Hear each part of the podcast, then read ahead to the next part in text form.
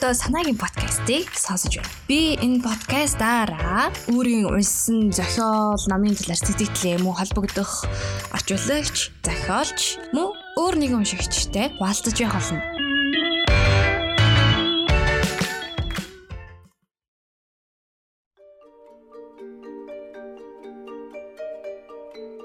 Сайн байцгаана уу сонсогчдоо. Ингээд танаа энэ удаагийн дугаараар би та бүхэндээ зочинтой байгаа. Манай зочин улс төр судлаач, нийтлэлч Дүлгөөн гэдэг хүн байгаа. За дүлгөөний тухай тавчхан танилцуулбал Болдотрийн дүлгөөн нь Францын Sciences Po буюу The Institute of Political Studies сургуулийн философи магистр тийм улс төр судлаач мэрэгчлэр төгссөн. Тэгээ 2012 оноос хойш Монголын томоохон нийгэм философийн сэтгүүлд ерөнхий эрхлэгчээр ажиллаж байсан сэргэн мандалтын болон соён гэгэрлийн үеийн философийн сэдвэр одоо 50 гаруй нийтлэл бичиж хэвлүүлсэн 2016 онд бодит байдал монголчуудын өнгөрсөн ба одоо хэмээх өөрийн анхны нийгмийн шүүмж ном бол гаргасан байгаа. Тэгэхээр сая дурдсан 16 нийтлэл хэвлүүлсэн номыг бол одоо санаагийн подкастын cover-ны доороос харж болно ногоонхтэй юм ном байгаа. Тэгээ одоо л худалдаанд байдаггүй тэр үед бол зарагдаад хэвлэгтээ дууссан байдаг. За тэгээ мөн Тэрээр Монсодор утга зохиол цувралын 14 дэх цуврал болох Мишель Зүлбекийн Тулааны талбарын дэлэлт номыг бол монгол хэлний орчуулсан.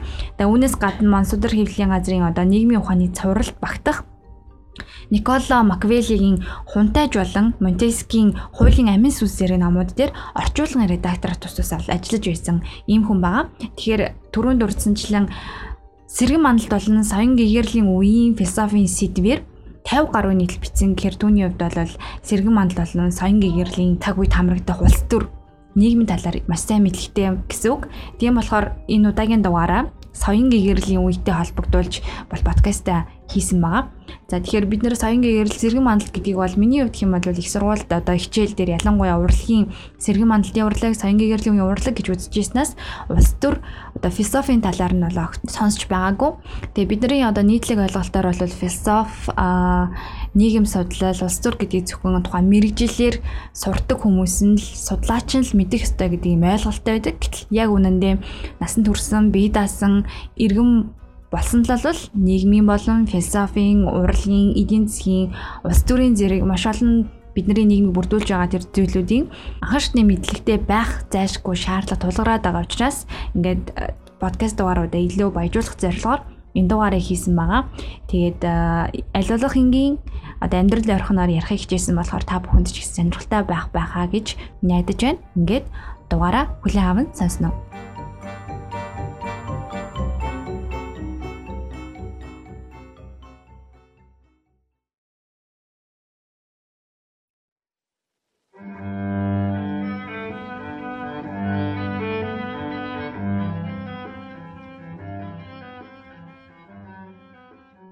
Энэ удаагийн сэдэв маань болохоор соён гэрлийн сэдвийг ярилцгээе. Аа бас төр судлаач төлгөөнтэйг ярилцахаар биелдээд байна. За. Яагаад бас төр судлах сонирхолтой болсон бэ? гэдэг нэг сонирхолтой. За яагаад тус төр судлах болсон бэ? Нийгэм ухаан судлах болсон бэ гэдэг гараа маань анх 10 жилийн үед байх талаар эхэлж ирсэн. Тэгээд тухайн үедээ би чинь математик, физик, хим гэсэн байгалийн шилжүүлэх ухаан талтай нэлээд авьяасгүй Авьяасгүй болоход сонирхолгүй. Авьяасгүй сонирхолгүй. Угаасаа тухайн үед заа за бүтэхгүй мэж чадахгүй байна гэж орхиод. Одоо нийгмийн ухааны чиглэлрүүл э, занимаалдуулж амьдралынхаа хоолыг олж гэх юм байна гэж шийдээд тэгээд Франц улс руу очиод хуулийн сургуульд ороод тэгээ хуулийн сургуулиас улс төрийн философи гэсэн гоё чиглэл рүү ороод тэгээ өдий хүртлийн чиглэлээр судалгаагаа хийгээд редактораа хийгээд тэгэл явж байна гэж. Ингээ нэг улс төрийн чиглэлээр гүнзэрхэл яаж бол Францыг сонгосон бэ? Тийм тухайн үед Францыг сонгох нэг нэг том шалтгаан байсан. Ягаад гэвэл э, би ч бас нэг урлагийн гэр бүл төссөн гэдэг утгаараа манай ээж минь болохоос урлагийн хүн. Тэгээд э, Швейцар улсад урлагийн чиглэлээр одоо балетын багш, циркийн багш э, мэрэгчлэр ажиллаж исэн. Би тэгээд одоо мэдээж хөвгт болохоор ээжээгээ дагаад очиод тэгээд Франц хэл дээр 10 жилээ төгсөөд тэгээ яг герман руу сургууль явъя гэж бодож исэн боловч тухайн үеийн нөхцөл байдлаасаа болоод Франц хэлийг сурчсан. За Франц хэлийн Аз одоо АБ-ийн мэдлэгтэй байсан болохоор Францыг сонгоод тэгэл явж ирсэн. Яг одоо ч гэсэн тэрэндээ их илүү одоо бахархдаг, огт харамсдаггүй. Тэг. Тэгээ бас Францын соён гэрэл Францын философи, Францын яруу найраг, уран зохиол, уран зургуудаас нэлээд дэлхийд сурвалжсан бүтээлүүд байдаг болохоор тийм Францын улс төр Францын философиор явж одоо их баяртай байдаг. Франц юнитлэг яг нийтлэг утгаар бол өглөөс л мэдчих ч тийм. Тэгээд онцлог гэхээр аюу сонирхолтой юм л та. Яг судлаад юм уу нөгөө өмнөх тэр номын подкастуудыг сонсож байхад улс төрийн хувьсгал нийгмийн одоо тэр хугтгуун чинь бас Францаас яг улбатай юм шүү дээ. Европын орнууд Итали, Францаас тийм. Тэг яг хоо түүхийн хоо яг хоо соён гэрлийн хөдөлгөөн гэж ингэ ярангуут яаш одоо хүссэн үсээгөө бид нар одоо Монтескио, Волтер, Дидро, Руссо гэдэг одоо том том философчдын бүтээлүүдэд танилцах ёстой одоо соён гэрэл одоо Францын соён гэрлийг ярихаас өмнө бид нэр одоо хүсэн үсээгөө цэрэгэн мадалтын үеийн одоо философиг бас цус бас дурдах хэвээр. Ягаад гэвэл одоо ингээд одоо хүн төрөлхтний түүх ингээд аваад үзэнгүүт ихэнх том философчид, агуун сэтгэгчид, сургууль хүмүүлэгч нар өөрийнх нь одоо санаа бодлоо, юун бодрлоо их тийм шавнартаа дун хэлбэрээр анх илэрхийлдэг байсан байна. Одоо эртний дуу хэлбэр, эртний грекийн одоо философч Сократ гэсэн амьдралдаа ганц ч мөр бичиж үлдээгээгүй байдаг. Дэлхийн том том шашны үндэслэгч. За Крист, Күнз, Зүнч Мухаммед, Будда ч гэсэн ингээд судаад үзэнгүүт ямар ч тийм бичгээр мэлдээгүй. Харин одоо дагалдагч амьдралд одоо тэдгэр хүмүүсийн аман сургаалыг нь сонс сонсоод дуулаад ойлгоод ухаарад гээгээрээд хожимнуудаа бичиг болгон үлдээсэн. Гэтэ одоо бичиг байдлаар булах гэхээр бас техникийн асуудал бас байсан. Яг л одоо нэг номыг олон хэмжээгээр хүссэн доогороо хэвлүүлэх тухайд бас хүндрэлтэй байсан. Энэ асуудлыг нь одоо 1450-аад оны үед Йохан Гутенберг гэдэг герман эрхэм шийдсэн байна. Манд хүн болохоор өөрөө уран дарахын мэрэгчлээ.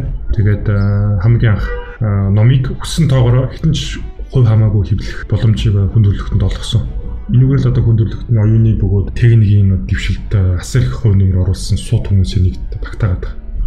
Өөрөө санаачилчууд нийгмийг төрж авч гисэн гэсэн үг. Яг гоо Гутенбергээс өмнө бол хэвлэл төхөөрөмжлөл байхын үед байсан. Гэхдээ номыг олон хуваар буюу хүссэн тоогоороо хэвлүүлэх боломж бас тухайд хэцүү байсан. Энийг л одоо Йохан Гутенберг шийдсэн.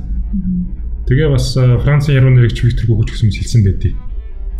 Уншаад үзэхээр мань өмнө хэлэхдээ Гутенберг хүртэх жилүүдэд агуу сэтгэгч нар хөвчлэн уран барилгаар ба уран зургаар оюун санаа үзэл бодлоо илэрхийлдэг байсан бөгөөд Гутенберг гихч герман хүн гарч ирснээр оюун оюуны бүтээлийг нийт зөв зохистой, логиктой, бис дараалттай түгээх ажлыг одоо болгож хийсэн.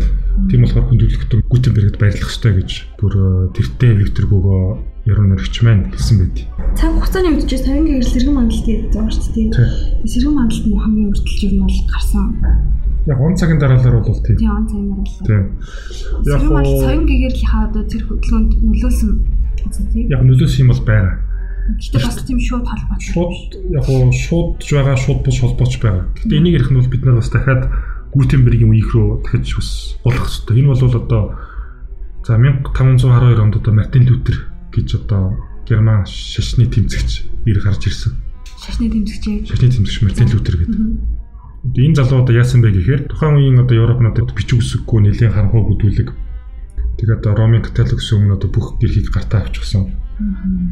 Ерөнхийдөө шашин бурхан хоёр нь ерөнхийдөө нийт ус төрөө хүмүүсийн оюун бодлыг ерөнхийдөө өмчилчихсэн байсан. Яг энэ цаг үед л одоо Мартин Лютер гэж ирхэн гарч ирээд Библийн судрыг герман хэлнээр орчуулах Тэгээ шашны ялангуяа Ромын католик сүмийн хэл хавхад идэгцэн байдал мороолгүй байдлыг эсрэгдэх одоо маш одоо хатан зоргоор тэмцэж гэлсэн байна. Яа тэмцсэн бэ гэсэн чинь яг тухайн үед нь одоо Европын ард иргэднээ одоо бичиг үсэггүй ханхуу гэдүүл ядуу байсан. Тэрэн дээр Ромын католик сүмийнхэн нэлээд тоглолт хийсэн байна.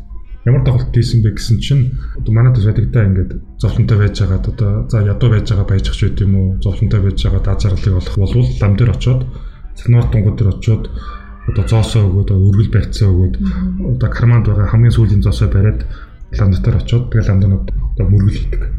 Энэ дэр мөр тоолоо сурчсан. Энийг матен төдөл эсрэгүүцсэн. Эсрэгүүцээд за Ромын католик сүмийн найз нараа та нар ингэж болохгүй. Аа Эцэн цаан чинь тоглолт явагдаад байна. Эцэн цаан чинь тоглолт явагдаад байна. Нилээн хэл хавал явагдаад байна. Тэгээд ард иргэдэд бүрүүлээ ядуураад та нар одоо хитрхи баяжаад бүгдээрээ баяжаа таргалаа гүжиж суугаа та нар одоо хэрэг алхаа. Гэт анх Ромын католик сүмийг эсрэг бузар булааг нь илчилсэн 95 зүйлийн яллах хүчээд Шөнийн цагаар бүх сүмийн хаалгуудад. Тэгээд одоо гудамжаар ингээд наагаал явуулсан байна. Энийг нь мэдээж дамдар хэсэг үүсэн шүү дээ мэдээж. Тэгэхгүй тэгээд ингээл матлуудыг зүгээр ингээ байлгаад байвал дамдар нь өөрөөсөө хоолгүй болно. Тэгээд одоо хүмүүс одоо анзаараа тэмцэж эхэлнэ тийм. Тэмцэх хүмүүст одоо ухаар нь тэмцэж эхэлнэ өөрөөсөө жоохон турн одоо хүзэг болно гэдэг шиг явсан байна. Тэгээд тухайн үедээ бас нэг юм байсан. Тэр юу вэ гэхээр Рома католиксон бол бурхан болвол зөвхөн тати хэлээр ойлгодог. Тийм болохоор Библийн судрыг өөр хэлнээр орчуулах нь нүгэл юм а гэж ойлгож байсан. Энийг нь Мартин Лютер эсэргүүцээд герман хэлээр орчуулсан. Тэгэхээр одоо тухайн үеийн лам нар Библийн судрыг өөрсдөө латин хэлтэй тэг германы одоо иргэдэд одоо тухайн үеийн герман хэлээр ингэж ойлгуулдаг. Тэгсэн чинь Мартин Лютер гарч ирээд за бурхан ганцхан латин хэлтэй гэсэн одоо юм өвчтэй асуудал гарна болоо. Бурхан болвол ялангуяа Библийн судрын ариун зүйлс болвол болгоны сэтгэл зүрхэнд шингээстэй байдаг тухайн хүн өөрөө их хэл дээрээ библийн судрыг уншаад ойлгоод ухаарад амьдралынхаа амьдралаа зөв голдролд нь оруулах энэ зүгээр юм а гэл анх өөрийн библийн судрыг германаар орчуулсан. Орчуулах орчуулахдаа нөгөө миний түрүүний ярьдаг Гутенбергийн хэвлэлт хөрөмжийг ашигласан байна. Энэ Мартин Лютерийн үеэс эхлээл нөгөө протестант гэдэг шашин чинь ах үүсэж гисэн. Одоо хүн болгоны мэддэг протестант шашин католик хоёр ч хоорондоо нэлээд ханчнууд шүү дээ. Тийм болохоор протестант гэдэг үг нь болохоор цаанаасаа жоохон эсэргүүцэгч тэмцэгч гэсэн үгнээс гаралтай. Тэгээ протестант гэдэг юм. Яг энэ дээр мэдээ Джон Калвин гэдэг бас шашны тэмцэгч бас байгаа.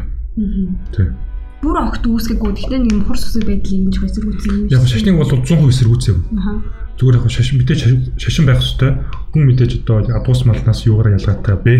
Энэ бол одоо шашин ч гэдэг юм уу одоо философи өөр өөр өөртөө гэгэрх амьдралын одоо зөв хөлтөлд оруулах тийм их юм хэрэгтэй гэдэг тэгээд э, библийн судрыг ихэлтэрэл орчуулсан байна. Орчуулад хүн болон библийн судрыг унших хэрэгтэй. Авахын аваад гээхин гээгээд одоо авах гээх ухаанаар гэдэг шиг л зөвлөсөн байна. Гэхдээ тэгээ мэдээж зүгэрч байгаагүй. Орчуулагдсан чинь мэдээж сүмийн эсэргүүцтэй юм байна. Эсэргүүцээд Мартин Лютерийн амнасанд нь халтах гэж оролдоод занл хэл очоод Тэгээ мэдээж түүх юм бас нэлээд хав туссан зүйлс байж тээ нөгөө. Тухайн үед чинь тэгэл өглөө болгон бурхан нарыг хүнд бэлгэлдэгэ. Одоо бурхан одоо хүнийг 7 хоногт өөрийнхөө дүрээр бүтээсэн гэдэг ийм их үзлийг нэг халсан. Өмнө нь болохоор бурхан өглөө болгон нарыг хүнд бэлгэлдэг биш. Харин дэлхийд бусад гаригуудын хамт нарыг тойрон ирдэг юмаа гэдэг Коперникийн үзлийг одоо дэмжиж байсан бүрүүнээ хүртэл одоо сүмийнхэн амьдаар шатааж ирсэн гэсэн түүхтэй.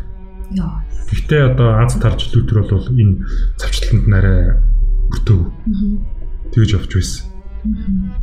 Тэгээд лютерийн үд санаанаас нь болоод Европын дийлэн хүмүүс соён гэгэрлийн эзэн тавигдсан гэж ярьдаг. Гэхдээ яг соён гэгэрэл нь явагдаад хүмүүс нь арай ойлгоод Монгол хэсэг салсан гэвэл бас хэцүү. Ягаад ихэнх хүмүүс нь бичих үсэггүй харанхуу бүдүүлэгдүү байсан болохоор үнэн ихтэй амжилт олоо гэж ярьдаг.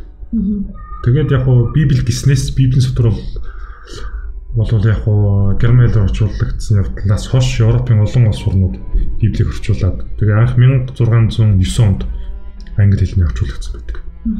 Ингээ бодонгууд шашны тэмцэгч Мартин Лютер маань тэгт 15 зууны Европыг одоо хонхны дугаар гүн өнөөс нь сэрээс хөтлсөн бол Йохан Гутенберг гэж уран дархан одоо тэр гэгэрлийн хонхны дууг нь цуурай туул гаргаж зам нэг л одоо бий болгосон гэж яриад байгаа. Бүгд л одоо юу гэдэг нийт ард нийтээрээ бол амьдралын утга учир бид нарт одоо хүсийн амьдрал сүм одоо шашнаас өгөгдсөн зүйл гэж боддог байсан биз дээ. Тэр нэг байлуусан хүн ард иргэд өөрсдийн гэсэн тийм бодод сэтгэх өөрөө сонгох шийдэх тийм сонголтыг л гаргаж өгсөн биз дээ. Тухайн чинь хүн болгол одоо бүх амьдралаа шашин даатгачихсан. За одоо одоо төрөмийн сүл төвшөөгөө шиг шашны минь сүл төвшөө гээл одоо бурхандаа мөргөөл одоо итгэх гэж байсан талхныхаа хамгийн сүүлийн хэсгийг сүм дээрээ барайл. Одоо карманд байсан хамгийн сүүлийн зосоо барайл сүм дээр очивол тэгээд нэг ламдрын тэрийг наваал одоо уншлах ч юм уу тийм хүнд хийдэг байсан байх. Тэрийг л яг Мартин Лютер гэдэг хүн зогсоох гэж оролцсон. Тэг. Яг үнэд бол Европ төвийн өмнөд хэсгийн Итали оронд зэрэг мандалтай үед хүч авч ирсэн. Ялангуяа Флоренц хотод тэгэн модалтын үе нэлээд том урлагийн уран зургийн нэлээд олон хувьсгал явагдаж байсан. Энийг бол хүмүүс мэдж байгаа. Флоренц хот нь болохоор Дант Алдарт Данте Алигьери, Франческо Петрарк, Донателло, Микеланжело, Да Винчи гэдэг одоо сууд эрхмүүдийн үлгийн нутаг. Тэгээд 15 дугаар зууны Италид одоо Микеланжело мэн Дэвид гэсэн одоо алдарт баримлаа, Да Винчи мэн Мона Лиза зураг, Рафаэл Санти өөрийн Афины сургууль одоо фреско бүтээлээ төрж исэн эд оргил цаг байсан. Гэхдээ яг Итали орн яг улс төрийн хувьд бол нэг тийм сайшаалтай ч байт юм уу нэг тийм нэгдсэн төрд ороогүй жоохон эмх замраагүй байсан. Одоо гадны төр өнгөл дөрцөөр байгаад улс орн одоо маш олон хэсэгт багтчихсан. Пап бэрхшээлт ус, Неапол, Венец, Милан, Флоренц зэрэг одоо жижиг бүгднээ тусууд, гүн тусууд багтчихсан. Өөр хоорондоо бие биенээ дайтдаг. Яг энэ цаг үед л Италиг дахин цогцлоох нэг хүчтэй үддэгч хэрэгтэй. Манай Итали орныг дахиж одоо нэгтгэж хүчрхэг Итали улсыг байгуулах нэг үддэгч хэрэгтэй гэд Николо Макиавелли гэсэн алдарт философч түүхч маань өөрийн Понтеж буюу Итали хэлээр il principe гэмэх бүтээлээр төрсөн. Энэ бол монгол хэлний саяхан Мос өдөр хэвлэлийн газраас Монтеч хэмэх нэрээр гарсан. Подкаст бас хийсэн тийм. Подкаст бас хийгдэж байсан. Итали хэлээр яг il principe Францаар le prince тэгэл англиар мэдээж the prince герман хэлээр тэгээд юуст гэдэг гарч ирсэн. За тэгээд хунтаж номнуудаа яг юу өгүүлт юм бэ гэдэг одоо цухсгэн дурдвал уг ном нь бол нэг тийм бусад номын шиг адил үнгийн халил яруу сайхан өнгөс огт байхгүй. Харин зүгээр төрөх хэрхэн гартаа авах вэ? Төрийг хэрхэн өдөрдөх вэ? Улс орноо хэрхэн жолоодох вэ гэсэн тийм гарын авлага. Тийм болохоор одоо энэ номын бичвэр маш их амархан. Тэгтээ 15 дугаар зуунд бичигдэж байсан хэдий ч ямар ч уншаад ойлгоход маш их амархан ном. Тэгээд энэ номыг ч гэсэн одоо маш олон үе үеийн улс төрийн лидерүүд, кад ноёдууд, хунтайчууд бүгдийн номыг төр барих гарын авлага гэж байнга карманда хийж, зарим нь одоо дэгнийхээ доор хийж дэглэж унтдаг байсан. Нийт одоо энэ ном 26 бүлэгтэй. Тэгээд 2-оос 11-р бүлэгт болохоор төрийг хэрхэн гартаа авах вэ? Төрийг гартаа авчгаад түүнийг хэрхэн тогтоон барих вэ? Тухай одоо өгүүлдэг байна.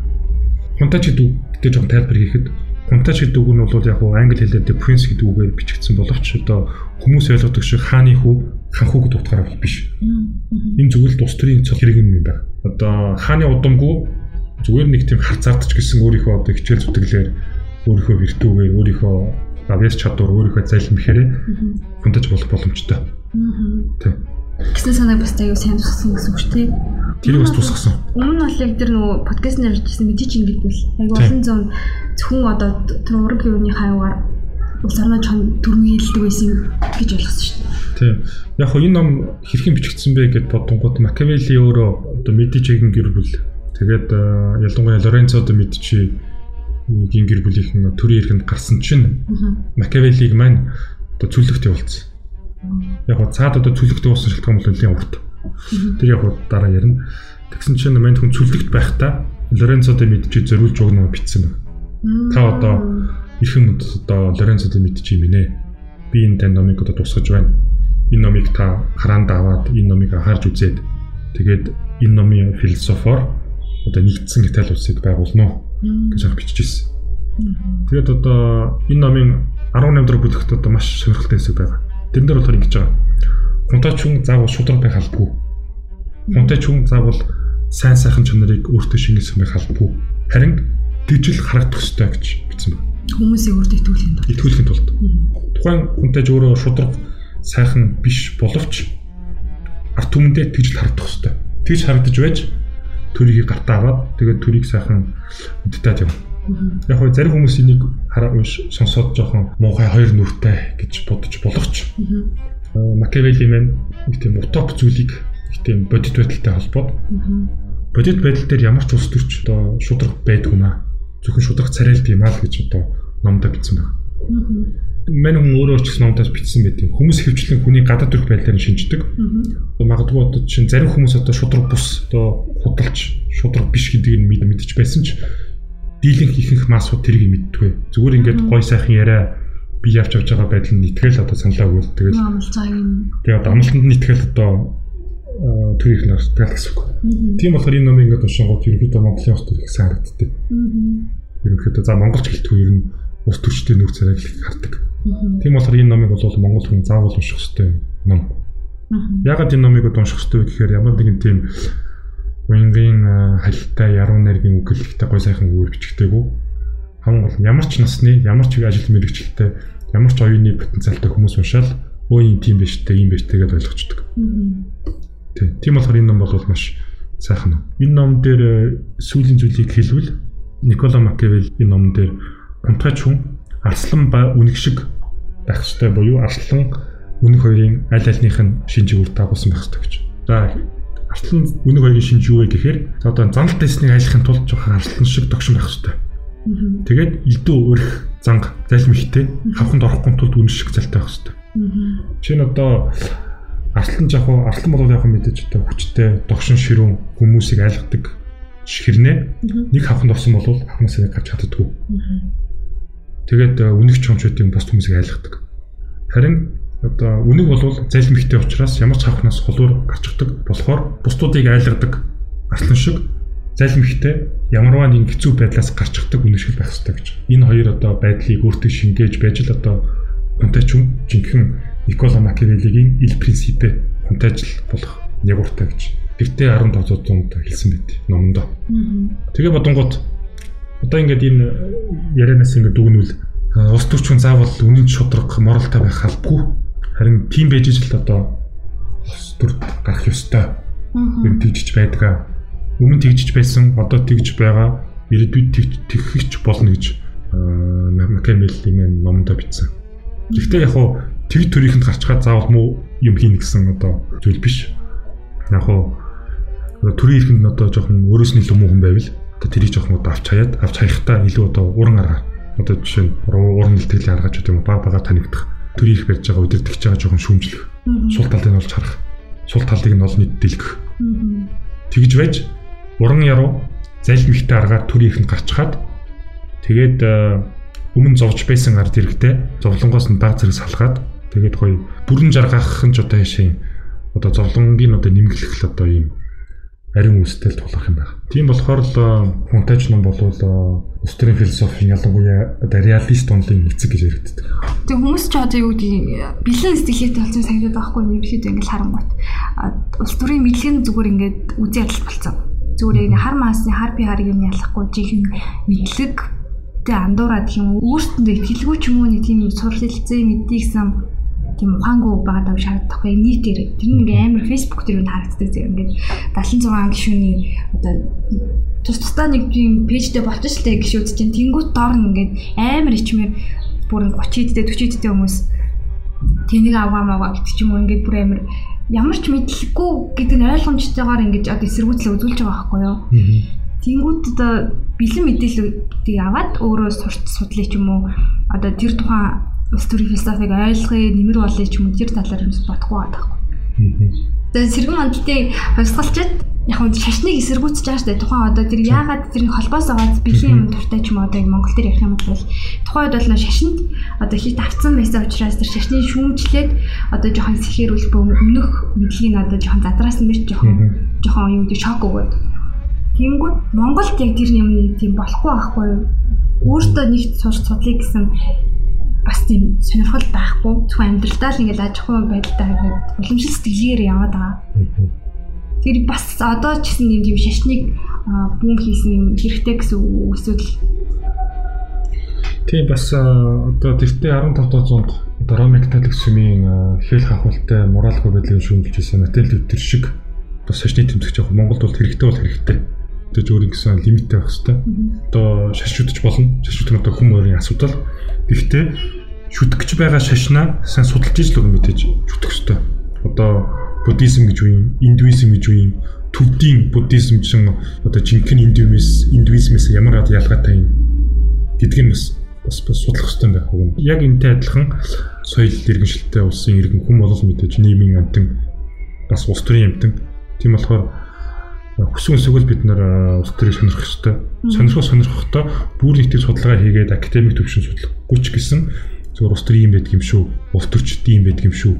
Гэт улс төрийг жоохон толтгох юм улс төрийн боловсрол бас хэрэгтэй. Тэгж байж л одоо одоо сонгуультай зөв санал өгнө. Одоо зөв хүний сонгомж гэдэг юм. Тийм болохоор одоо контеж номыг уншаал ялангуяа сонгуультай үедвэртээ оролцоод зөв хүнээ дугуйлаад тэгжлэх шаардлагатай байна. Яг хуу фонтаж ном дээр одоо нэмжлэхэд энэ ном эхний грек ромын үеэс цэрэгэн мандалтын үеийг хүртэлх бүх аваа жанжид хаадуудын бас үйл явдлыг бичсэн. Энэ болгоныг нь одоо Monster хэлний газраас гаргасан хунтайж номын гэвлэлээр тусгай тайлбарт гаргаад энэ бүгдийг жагсааж маш илүү тайлбарсан. Тийм болохоор энэ номыг унших гэж байгаа, уншиж байсан хүмүүс хунтайж номооч ойлгоно. Хажуугаар нь номд гарч байгаа тэр ойлгомжгүйч байд юм уу ойлгомжгүй санагдсан түүхэн дүр өгдөг ч гэсэн тайлбар төлөөс нь уншаад нэлээд бас түүхийн мэдлэгтэй түүхэн хүмүүсийн намтрын мэдлэгтэй болох юм сайхан боломжтой гэж явж байгаа. Тэгээд яг хуу сэргэн мандалд явлаа. Тэгээд нэг хэсэг бас нь жоохон завсардсан мэдээж. Завсардж байж байгаад жинхэнэ Францын соён гэгэрлийн хөдөлгөөн гэж анх суурэ тавьсан. Суурэ тавих тавихтаа анх хэмжээлч гэрэгт хаан засаг буюу одоо Францын хаан тусын үед одоо үнсээрээ тавьсан. Хүн болгоны мэддэг Луи 14 буюу одоо Людвиг 14 хаан гэж байсан. Энэ хаан болохоор 1965 онд өгд болсон. Тэгээ уг хаан маань одоо бурхнаас заягдсан Францын хаан буюу хэмжээлч гэрэгт эзэн тэцгсэн. Энэ одоо нэр тодтолтой байсан.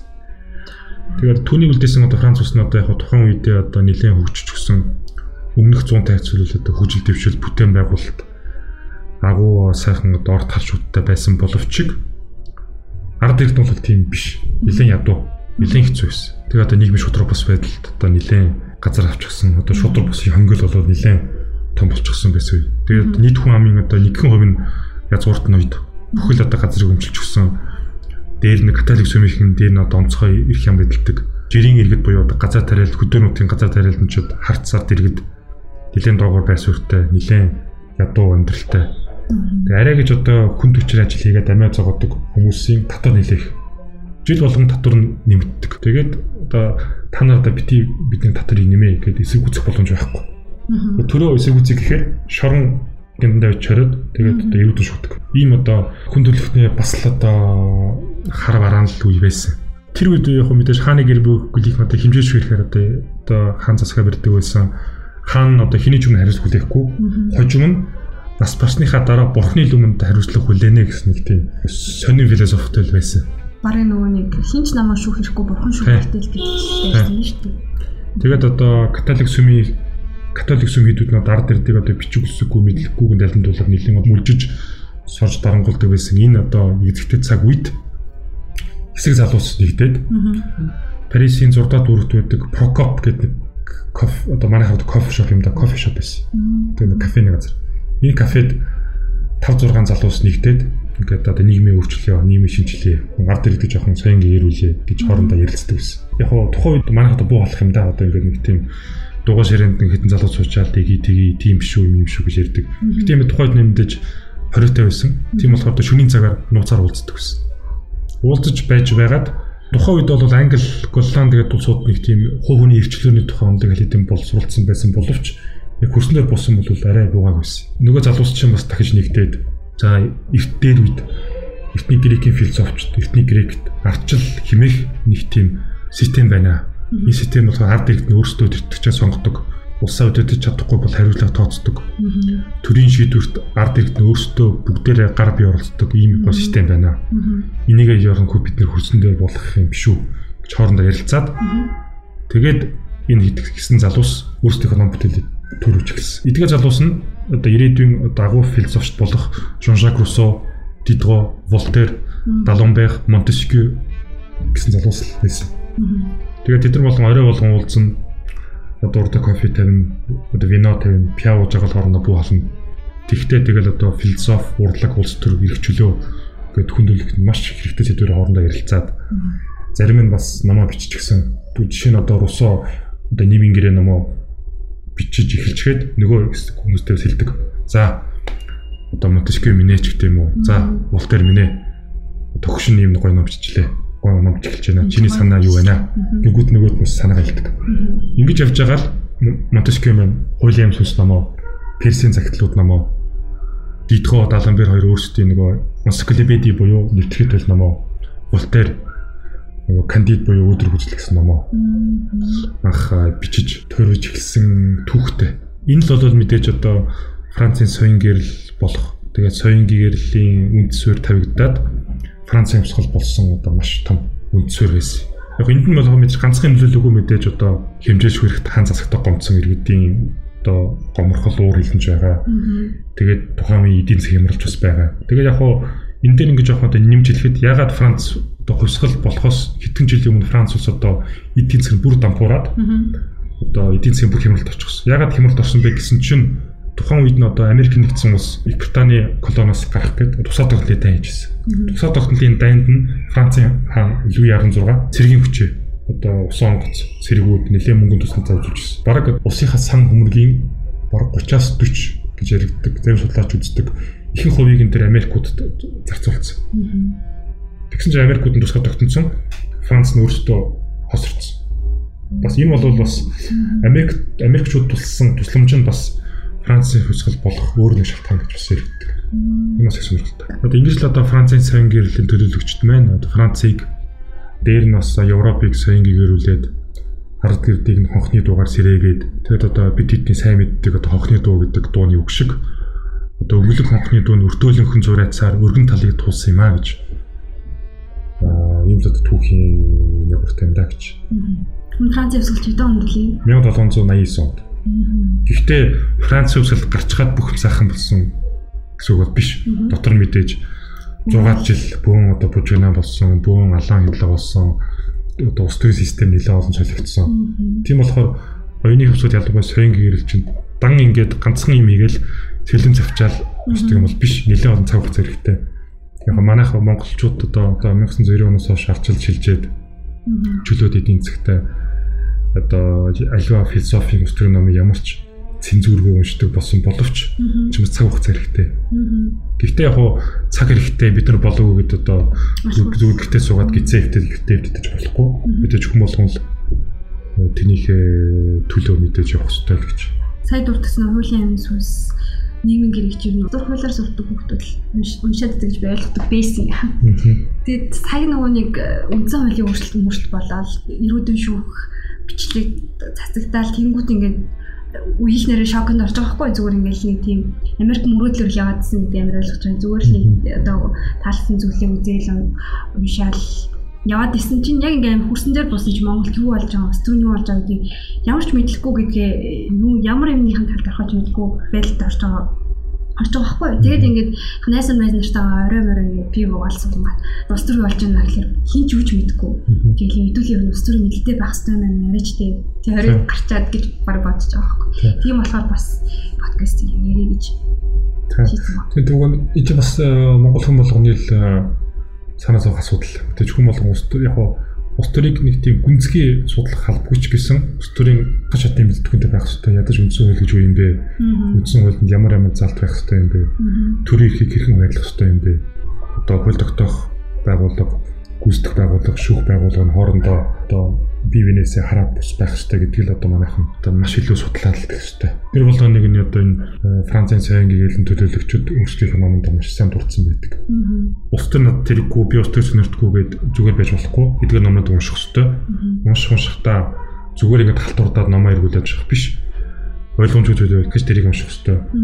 Эсвэл номоо уншиж чагсан арай илүү өөрөөс нь илүү ойлгох зүгтээ сайхан э, хилцүүлэх хэрэгтэй хамгийн гол нь тэгээ номоо уншиж чад зүг ойлгоод тэрийг ингээд үгээр илэрхийлэх чинь бас нэлээд чухал болохоор бас номын хилцүүлэг хийх ч үгүй юм номын подкаст хийх номын тэмдэглэл хөтлөх эсвэл өөр нэлээд гой бичсэн номын тэмдэглэлийг унших бас нэлээд чухал юм байна. Яг хүмүүс мэдээж үндсэн хуулийн тухай нэлээд өргөн мэдлэгтэй байх албагүй. Гэхдээ ингээд бодонгууд Монгол улсын иргэдийн хэдэн хувийн үндсэн хуулийн мэдлэгтэй юм бэ гэж бас хэцүү. Хаав байсан хөвсгөл дамжирдаг хатгалын хажууд дамжирдаг нэг юм ээ үнцөл хилжүүлдэг асуул байна уу одоо мэдэхгүй шүү дээ. Тийм болохоор ядаж нэг төрийн мэдлэгтэй, философийн анхан шатны мэдлэгтэй, хуулийн анхан шатны мэдлэгтэй логон байх ёстой юм байна. Тийм. Яг хоо гадаадын яг хоо соён гэрлийн Европын герман хэлтэй бичигдсэн, францаар бичигдсэн, англиар бичигдсэн нэлээд олон философийн бүтлүүд байгаа боловч тэр болгоныг нь монгол хэлнээ маш зөв орчуулах гэдэг чинь маш хэцүү. Ялангуяа өрний философийн нэр томьёо гэдэг чинь монгол хэлний бухад бас заримдаа хэцүү байдаг. Зарим үг нэр томьёо нь монгол хэлэнд бас байдгүй. Тэр болгоныг нь монгол хэл рүү аваад тэгээд одоо кириллээр галгалуулаад бас монголын өсөнд буулгах жишээ бас байгаа. Тийм болохоор энэ улс төрийн ялангуяа философийн бүтэглүүдийг монгол хэлээр уншихдаа маш чухал, маш одоо анхааралтай авч маш болгоомжтой унших. Яг одоо Monster хэлэн газар бол тэгээ нийгмийн ухаан гэж одоо төсөл үүсгээд тэрэн дээр одоо нийгмийн гэрээ хууль амын сүнс тэгэл тэр Фройдийн тотем ба табу гэсэн номнууд тэгээд Макавелигийн хүнтэйч гэсэн номнуудыг ингээд цуулуулга гаргаж байгаа. Энэ дээр нь бол орчуулгуудыг маш сайн анхаардаг, олон хэлээс ингэж тулгаж орчуулна, зарим нь засна. Хүн бол мэдээж физик номыг шууд уншиж ойлгож гэж байхгүй. Зарим хэцүү хүндрэлтэй асуудал байгаа. Тэр болгоныг нь футнотоор тайлбарлан, тайлбар төлөндөө маш ямар ч хүн уншаад ойлгомжтой байдлаар бичихийг зөвлөд юм байна. Үсээ наман Монголын ерөнхийлөгч болон парламентын засаглалын тэгээд тэр засаглалын түүх нь угаасны Европ руу үүсэлт олж байгаа хөөх. Түүх тий заавал мэдэх шаардлагатай болж байгаа тий. Бүрэн соёлын гэрцэн ус гэж мэдээж байхгүй. Одоо шудраг ус гэдэг нэг тийм уулын өргөл байвал уулын өргөлд нь хүрчихсэн ямар ч ус байхгүй. Тэрийг бол мэдээж ойлгох хэрэгтэй.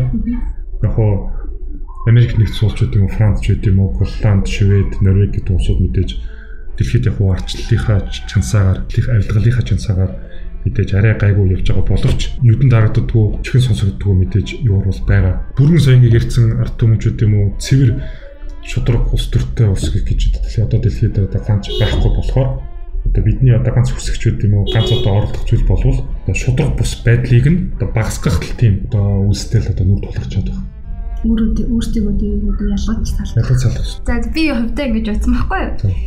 Хүмүүс яг нийтээрээ улс төрийн мэдлэггүй байгаа юм бас нэг Жишнээс гадна дуламжлалт авч явж байгаа зүйл маань хаан цэцэглэлийн үе буюу 13 дугаар зууны үеэс ихтэй одоо Чингис хааны нэг хааны шүтэх одоо тэр символ яваад байгаа. Тэгэнгүүт хар хараа бодоод үзэхэд нэг хүнийг одоо шүтэх буюу өөрийнх нь ерөөсөө өөрөө хүч чадлын ерөөсөө мэдрэхгүй байгаа. Өөрөө юу хийж чадах гэдгийг анзаарахгүйгээр хин нэгэн өөрөөс нь асар илүү хүчтэй хүн гарч ирээд одоо тэр хүний их мэдл захирагдчихвал ингээд улс орон сайхан хөгжинэ гэдэг үзэл бодолтой байгаа. Тэгээд тэгсэн чинь хүмүүс ингээд сая Game of Thrones үзээд ус төрийн амар мэдээлэлтэй болоод нэг. Гэтэ би бол Game of Thrones үзээгүй. Үзэн юм байна. Ус төр судлаач юм мэдээлэл жоох ярьж. Тэгээ би ч 2018 он хүртэл Thrones-ыг анх огт үзээгүй байсан. Яг of Thrones-ыг үзээгүй дэлхийн хүн амын бараг 0.001% төлөөлөл нь хоёулаа юм байгаа юм шиг байна. Гэхдээ яг гоо нэдлэн одоо найзууд минь одоо намайг шахаад энэ одоо сериалыг үзсэн энэ одоо ягаад ийм Thrones гэдэг одоо цуврал ягаад ийм алдартай байна вэ гэхээр яг л ингэ явж явж Никола Макиавеллигийн Фонтаж гэдэг номын философиалыг тарж чаддаг. Одоо тэгэл одоо Thrones-ыг одоо төрийн бодлогууд, залжин арга мэхүүд нөгөө одоо өрсөлдөгч одоо их юм уу гэж гэдэг хэрхэн төрийн ихэнд гарах вэ гэсэн одоо залд мэхтэй аргууд чинь бүгдээрээ энэ Фонтаж гэдэг номд бичигдсэн байгаа. Ганцхан Game of Thrones гэлтэх одоо хүмүүс оны мэддэг House of Cards гэдэг 7 ангит кино байна. Тэрний гол дүр Frank Underwood ч гэсэн өөрөө болохоор яг гоо бус хүмүүс нь болоо одоо шудраг ерөнхийлөгч, сайн ерөнхийлөгч гэж хардаг боловч мэдээж яг цаанаа бол тийм бол биш. Өөрөө бол одоо Никола Макиавелли маань өдөрдөг ч юм шудраг байх албагүй. Шудрах царайлах ёстой гэж хэлснийг нь Frank Underwood яг л хөснөр буулгаад одоо олонний өмнөдөө гарахтаа гараад талхтаа ч гэдэм үү одоо илхий тавихтаа маш шудрах харагддаг сайхан харагддаг боловч хөшрийн цан бол тэгэл одоо хүний ядаг жоохон бабал яндаг байхгүй юм баба байт.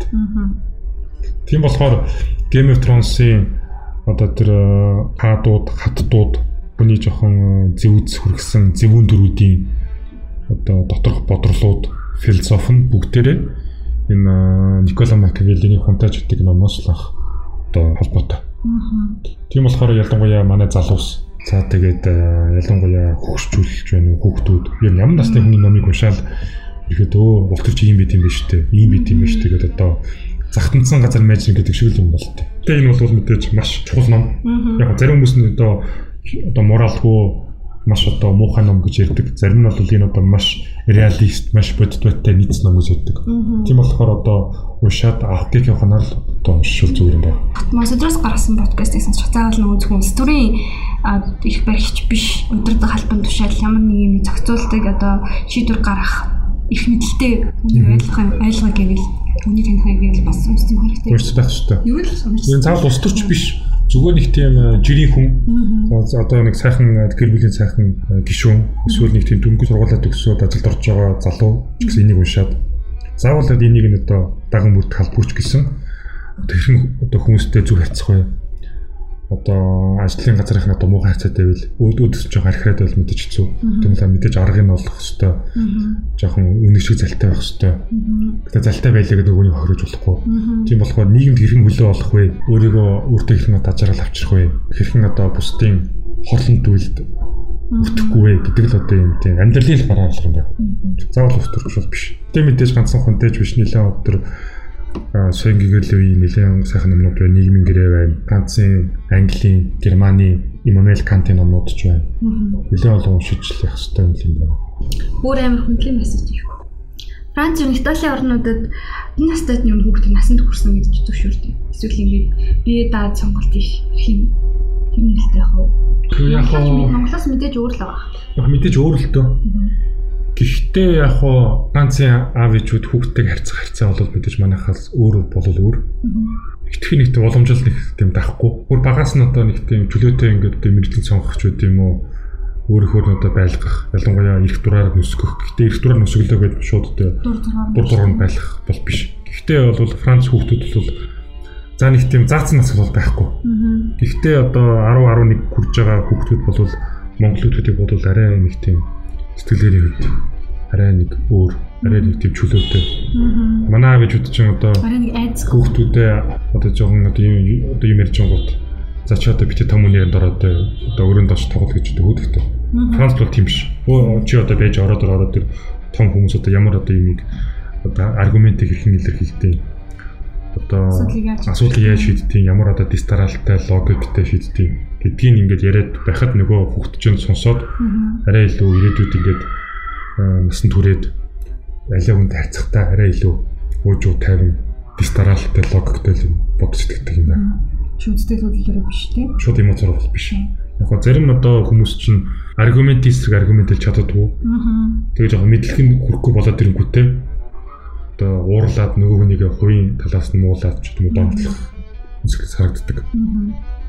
Энийг нь яг хуу зах франц гэлтгүүдээ тэгээ бусад улсуудын аав ээжүүд ер нь багаас нь ингэж Нийгэмдээ өөрсөлдөг. Энд дэр мэдээж хүүхдийн ном бас маш чухал үүрэгтэй. Хүүхдийн ном, хүүхдийн комикс, хүүхдийн зурагт ном бас маш хэрэгтэй. Яг зарим аав ээжүүд чинь хэлдэг шүү дээ. Одоо би чамайг одоо хүн болгож өсөглөө чи одоо аав ээжийнхээ ачиг хариул. Одоо магадгүй ээж нь одоо ангаа ухааныг сургуульд очиодаагүй бол заавал охиныгоо дангаах дуруулаад эмч болох гэж одоо одоо одоо хүчээр одоо чичвдэгч байт юм. Энд чинь бас одоо бас жоохон буруу үзэгдэл байна. Буруу үзэгдэл болооч бас олон нийтээр амар танил үзэгдэл. Танил үзэгдэлтэй. Би зүгээр яагаад нийтээрээ яг үдид улс төрийн имлэг юм уу сонирхол багтаа юм шалтгааныг хартаж одоо сэрдэж гэх юм уу яг бодонгууд Монгол уламжлалын жоохон гажууд зүйзэглэлээс яг хортон нөлөөд байсан. Яг уламжлал бол мэдээж ус болгоно мэдээж байх хэрэгтэй. Уламжлалаа хүндлэх хэрэгтэй, дээдлэх хэрэгтэй. Яг хөө зарим ингээд залуучууд үү юм уу зарим ингээд 10 жил төгсөж байгаа залуучууд аа уламжлалаа язгуур урлагаа за нэг ардын дууч үү юм уу морин хуур гээд үү уламжлалаа жоохон мартах, жоохон муулах хандлагатай. Яг энэ бол ихэнх улсууд байдаг. Гэтэ мэдээж одоо үе уламжлал, яс саншил түүх гэдэг чинь мэдээж бахархал. Бахархал чинь мэдээж одоо толгойд байдаг нэг абстракт зүйл. Абстракт зүйлээ өдөр болгон амьдралдаа хэрэгжүүлээд практик оргоод авч бас хэцүү. Яг түүх бол мэдээж бахархал 13 дахь зууны түүх бол бахархал. Бахархлаа яг тулгууд үлдээгээд өөрийгөө ингэж хурцлаа зоригжуулаад тэгэл бол зүгээр. Тэгэхгүй тэгээд зүгээр абстракт зүйл чинь мэдээж бүтээн байгуулч гэдэг юм уу, оюуны нэг тийм потенциал эсвэл тийм хийж бүтээх юм одоо ямар ч холбоогүй болохоор хэцүү. Ялангуяа Монгол хүн мэдээж агуу баялаг түүхтэй соёл хэрэгжилтэй боловч энийгээ мэдээж мэдэх ёстой, судлах ёстой. Энийг дотор үлдээгээд гэхдээ амьдралдаа яг 21-р зууны 2019 онд амьдарч байгаа хүн шиг л амьдрах ёстой ч гэж амьдрал зүгээр юм биш үү гэж байна. Наадмаар цагаан сараар дээл хувцас өмсчин, сайхан хуушур айдчин, буузаа айдчин, аргаа уучин. Хаяа хүсвэл жоохон 100 г татчин, халчин. Сайхан уулын билээрээ сайхан морио унаад сайхан адын дуугаа дуулаад бас явах ч бас гоё. Гэт өдөр болгон тэгээд их бас боломжгүй. Мэдээ соёл уламжлалаа шууд үгүйсгийг үлдээх тэгээ уламжлал гэдэг нэг юу хийсэр шалтгаан болгоод хүүхдтэй ч юм уу тэгээ ирээдүйд нийгэмд амьдрах хүнийг сонгол хийхгүй байгаад явсаар агаад улс төрийн сонирхох ч юм уу нийгмийн сонирхох тэр юм дарагдаад байгаа юм шиг харилцаа Тийм. Яг тийм бол мэдээж байгаа. Гэхдээ мэдээж түүх бол түүх. Түүх бол байж бархал. Тэгээд э, өдөр болгон ч гэдэм юм уу цаг минут тутамд түүх яриад байж бас хэцүү. Ялангуяа одоо чинь Франц Орос хүнтэй ч юм уу Герман хүнтэй Хятад хүнтэй ингэ ярьчаал тэгээд 13 дуу зүүнний баян түүх яриад байгаа ч бас хэцүү. Ялангуяа Орос хүнтэй ярьж хагаад чи одоо Батханы мэдхүү ч гэдэм үү эсвэл Хятад ярьж байгаа чи Улааны мэдхүү ч гэдэм үү тэгээд яваад бас хэцүү. Ишгэл яг түүх ярьж болно барахж болно. Тэр юмдээ сурчлах хэвээр тексттэй мэд. Гэхдээ тэрийг хийж байгаа мэдээж өөр гоё юм аргумент ярих хэвээр уран зурагч гэдэг юм уу кино өөргөн сонирхолтой юу вэ? Бүгдийг л мэдээж гоё гаргаал зүгээр л тайвс. Яг түүх одоо яг сайн ярьсан түүхэн зах хугацаа яриад байнгут соён гэгэрл болон сэргэн мандлыг бас түүчилсэн гэх юм уу те нэг чамбуун бисэн хүмүүс залуу хүмүүс харцангуй залуу хүмүүс байгаа. Тэгэхээр бас манай Монгол залуучууд гэсэн сурч мэдээ тэгэл нийгмээс өөрчлөх бүр боломжтой. Яг боломжийн бол би мэдээж боломжтой. Яг одоо ч тэгээд 20% дөнгөж гарч байгаа 30 хүрсэн залуус одоо нэг арай гайгүй нийгмийн хаваа авчдаг, арай соён гэгэрүүлждэг. Их тийм инфлюенс болчдөг хүмүүсээс байгаа. Гэтэ бүгд бол тийм ч мэдээж биш. Яг хүмүүс чинь их тийм шударгаас юу гэж гэх юм хүн чанар юу вэ гээд өөртөө өөрөөс асуулт асуувал Instagram од Facebook од сошиал одын яриг сонсоол өө энэ хүн гэж хэлж байгаа юм чинь энэ үнэн байхаа гэж тэгэхээр бас Нөгөө л хүн дагах. хүн дагах юм байна. Бис өөрөөс сурч мэдэх юм. Сурч мэдэх юм байхгүй. Юмыг ганцхан талаас нь биш мэдээж олон талаас нь ингэж ухаж ойлгох мэдээж хэрэгтэй. Үүний тулд мэдээж энэ олон номуудыг унших хэрэгтэй. Орондоо ярилцах хэрэгтэй. Тэгээ зүгээр нэг Бодол яриад задлаж Аа, зүгээр нэг сайхан хүнтэй яриад суугаад гоё хөлсөө гартал яриад урдаа сайхан пиар тачаа бас мэдээж ярих чинь гоё. Аа. Хаяа мэдээж хопоцсон хопоцоо яаж байгаа мэдээж гоё. Оюунлаг нь бас ярина. Сайн гэгэрл бол гэ канти юм уу гэж. Тийм. Одоо одоо хүн гэж юу вэ? Хайр гэж юу вэ? Сайн гэгэрл гэж юу вэ? Сайн гэж юу вэ? Муу гэж юу вэ гэдээ мэдээж асуултууд байдаг. Яг мэдээж одоо бид нар одоо мэдээж саяын асуултуудтай мэдээж бид нар өдөр болгон сайхан өглөө босоод орой унтварлаа холбогдож байгаа. Гэхдээ эдгээр асуултанд хариулахын тулд мэдээж одоо энэ ус төрийн гэдэг юм уу философи номуудыг мэдээж унших хэрэгтэй. Гэхдээ соён гэрэл бол мэдээж хүмүүс өөр өөргөө мэдээж тайлбарлаж байгаа.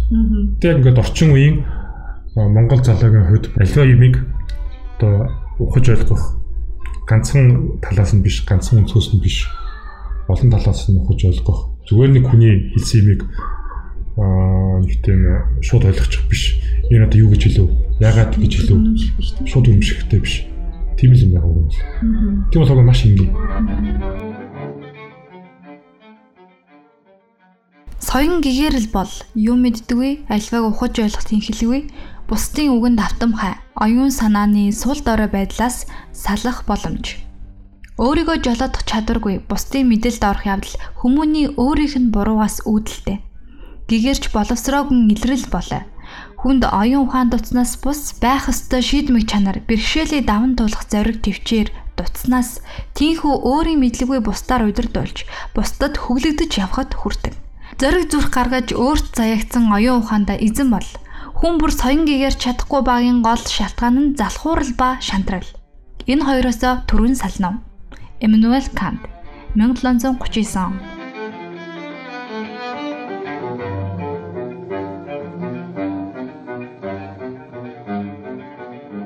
Ингээд бидний ярилцлага өндөрлсөн байгаа.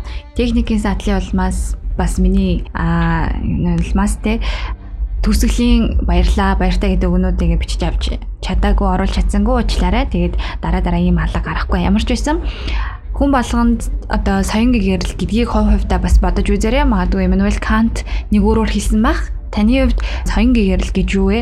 Болон манай монголчууд нийтээрээ соён гэгэрч чадж байгаа гэдэг асуултыг сонсогчтой үлдээ.